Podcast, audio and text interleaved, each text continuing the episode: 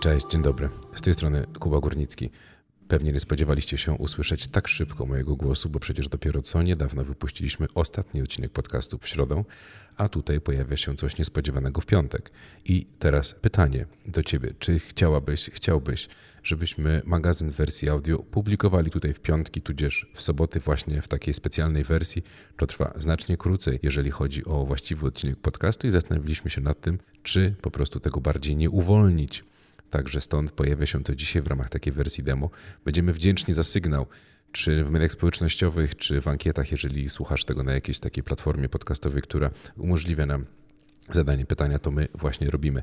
Czym jest magazyn dla osób, które nie znają?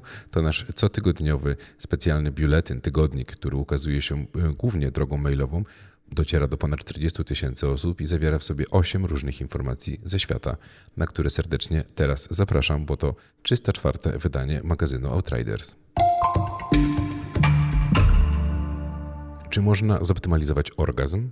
Technologia wpierw zrewolucjonizowała sposób, w jaki poznajemy partnerów i zmieniła nawyki randkowe, a teraz wkracza dalej, do sypialni, Producenci gadżetów elektronicznych coraz częściej wyposażają je nie tylko w nowe ustawienia wibracji, lecz także w sterowanie za pomocą telefonu, uczenie się naszych potrzeb i analizowanie zebranych danych. Wszystko po to, by dostarczyć nam lepszych doznań. Badania pokazują, że szczęśliwy związek tworzą szczęśliwe jednostki.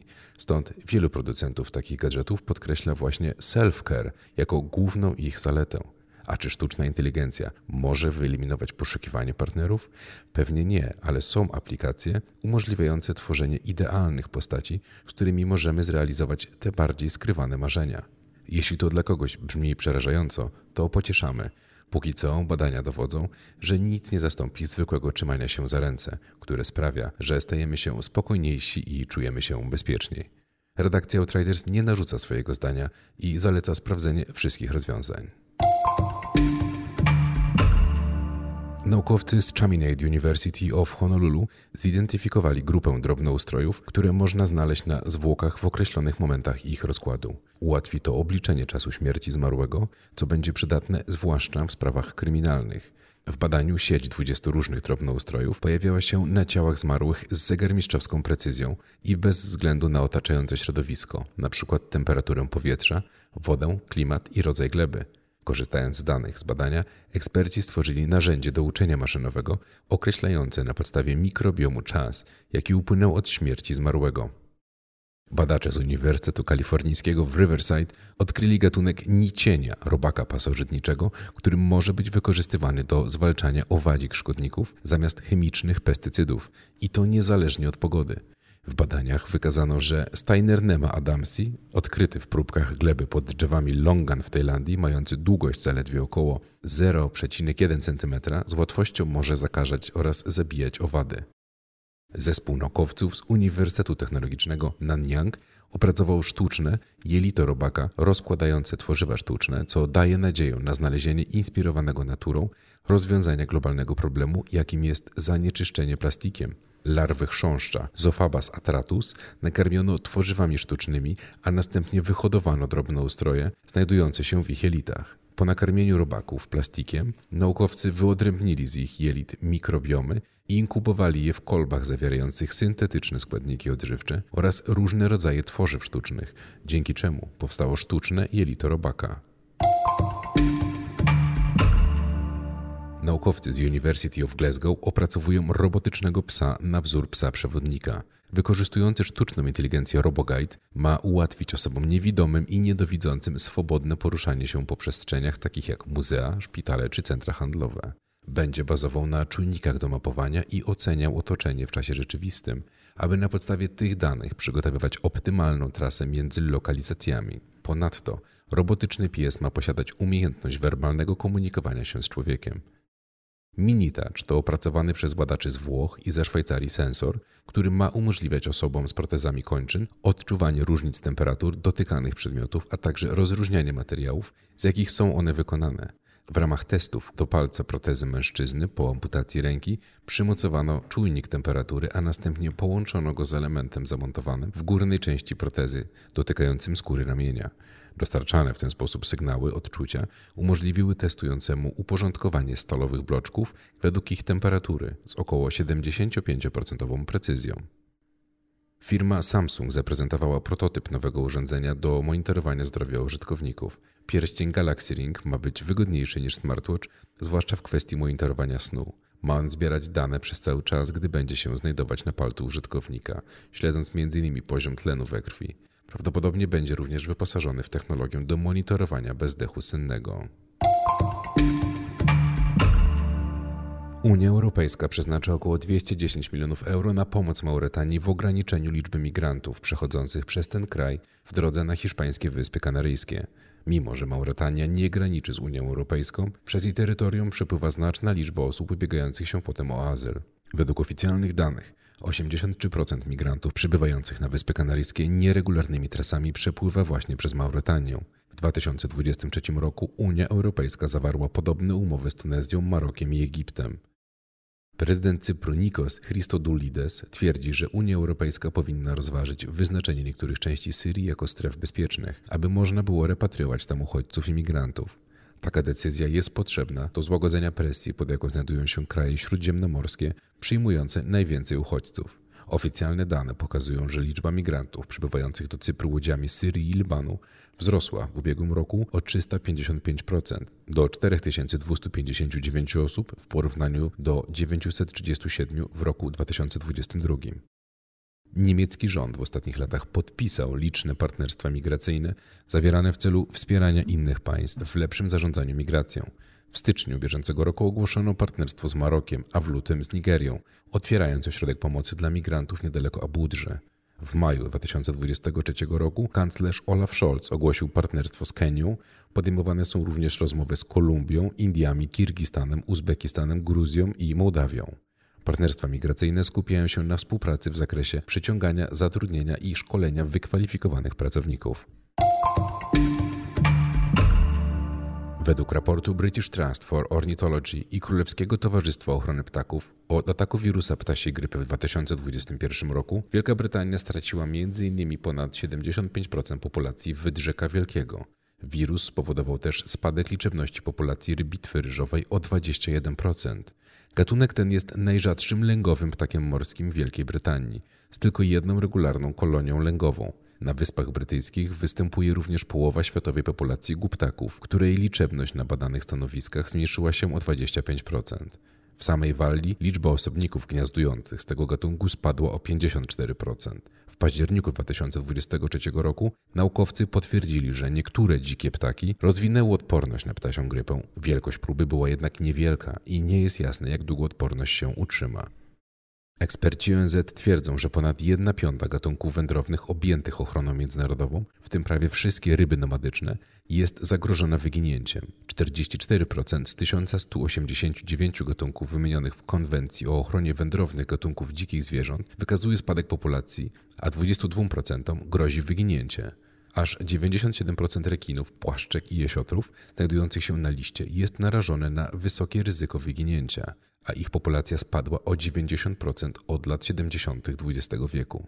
Pokonywanie barier stworzonych przez człowieka, np. płoty czy drogi, polowania i zanieczyszczenie światłem, to tylko niektóre czynniki zagrażające zwierzętom.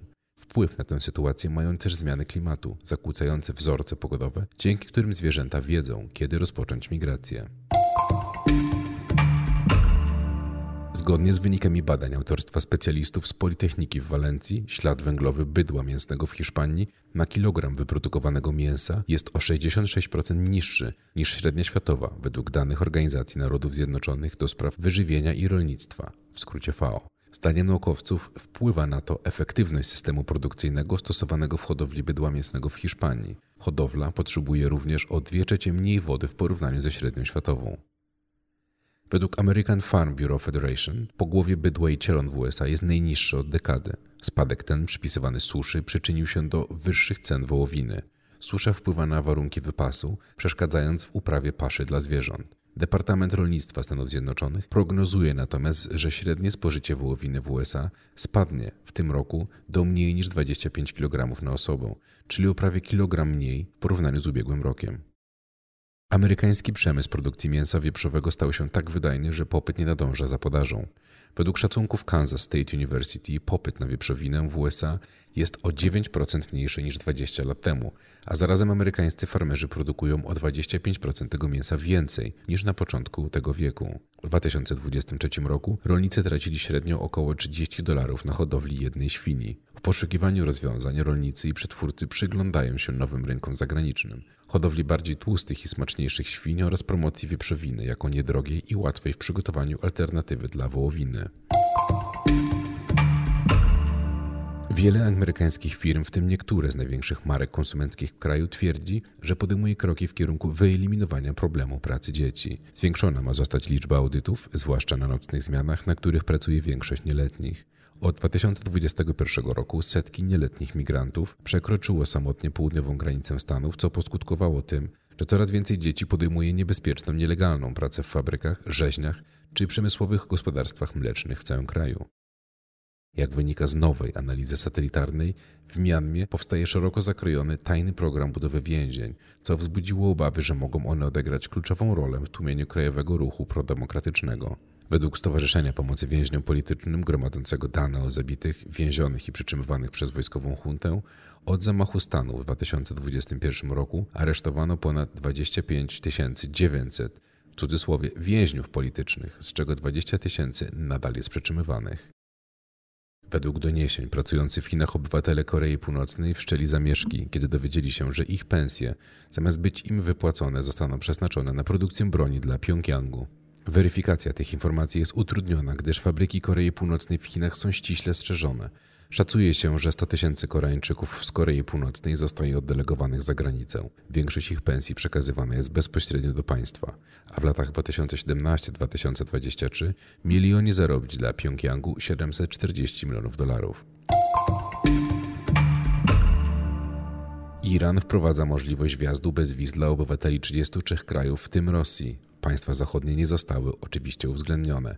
Decyzja zbiegła się z pogorszeniem stosunków Iranu z Zachodem spowodowanym atakami grup rebelianckich powiązanych z tym krajem. Ma ona pobudzić turystykę i przeciwdziałać szerzącej się niechęci świata do Iranu. Oprócz próby przyciągnięcia turystów, celem działań jest wsparcie gospodarki cierpiącej z powodu sankcji i izolacji, szczególnie po wycofaniu się USA z porozumienia nuklearnego z 2015 roku. Wpływają na to również dostawy do Rosji irańskich dronów wykorzystywanych podczas ataków na Ukrainę. Mimo 48% wzrostu liczby turystów trwający stosunkowo niedaleko konflikt między Izraelem a Hamasem może odstraszyć podróżnych. 97 rosyjskich turystów przyjechało do Korei Północnej. Według rosyjskiej agencji prasowej TASS grupa przyleciała do Pjongjangu w ramach prywatnej wycieczki. Byli to pierwsi odwiedzający od czasu, gdy zamknięto granice w związku z pandemią COVID-19. W 2020 roku Korea Północna była pierwszym państwem, które całkowicie odizolowało się od świata, nie pozwalając wrócić do kraju nawet swoim obywatelom. Ograniczyło to handel i wywołało obawy o niedobory żywności. Korea Północna otworzyła swoje granice dopiero w sierpniu ubiegłego roku, po niemal czterech latach. Wycieczka rosyjskich turystów zbiegła się w czasie ze zobowiązaniem się Moskwy i Pjongjangu do wzmocnienia współpracy gospodarczej oraz wojskowej. W 2023 roku Kim Jong-un przyjechał z wizytą do Rosji, co nie zdarza się często, a w tym tygodniu Władimir Putin sprezentował przywódcy Korei Północnej luksusowy samochód. To było czyste czwarte wydanie magazynu Outriders. E, jedno tutaj z pierwszych na tym kanale podcastowym o Hen Hen. E, gdzieś tam jak zatopicie się w archiwach, znajdziecie odcinki publikowane bardzo dawno temu, zanim ten podcast przejął tę antenę. A teraz oczywiście ponawiam pytanie, czy uważacie, że warto te odcinki wrzucać, dajcie nam znać, a jednocześnie mm, zachęcam Was też bardzo mocno do wspierania naszej działalności na Patronite, patronite.pl łamane przez Outriders. Dziękuję w imieniu całej ekipy, która produkowała tę edycję magazynu, a także w imieniu tej ekipy, która produkowała większość edycji magazynu i do usłyszenia już niebawem.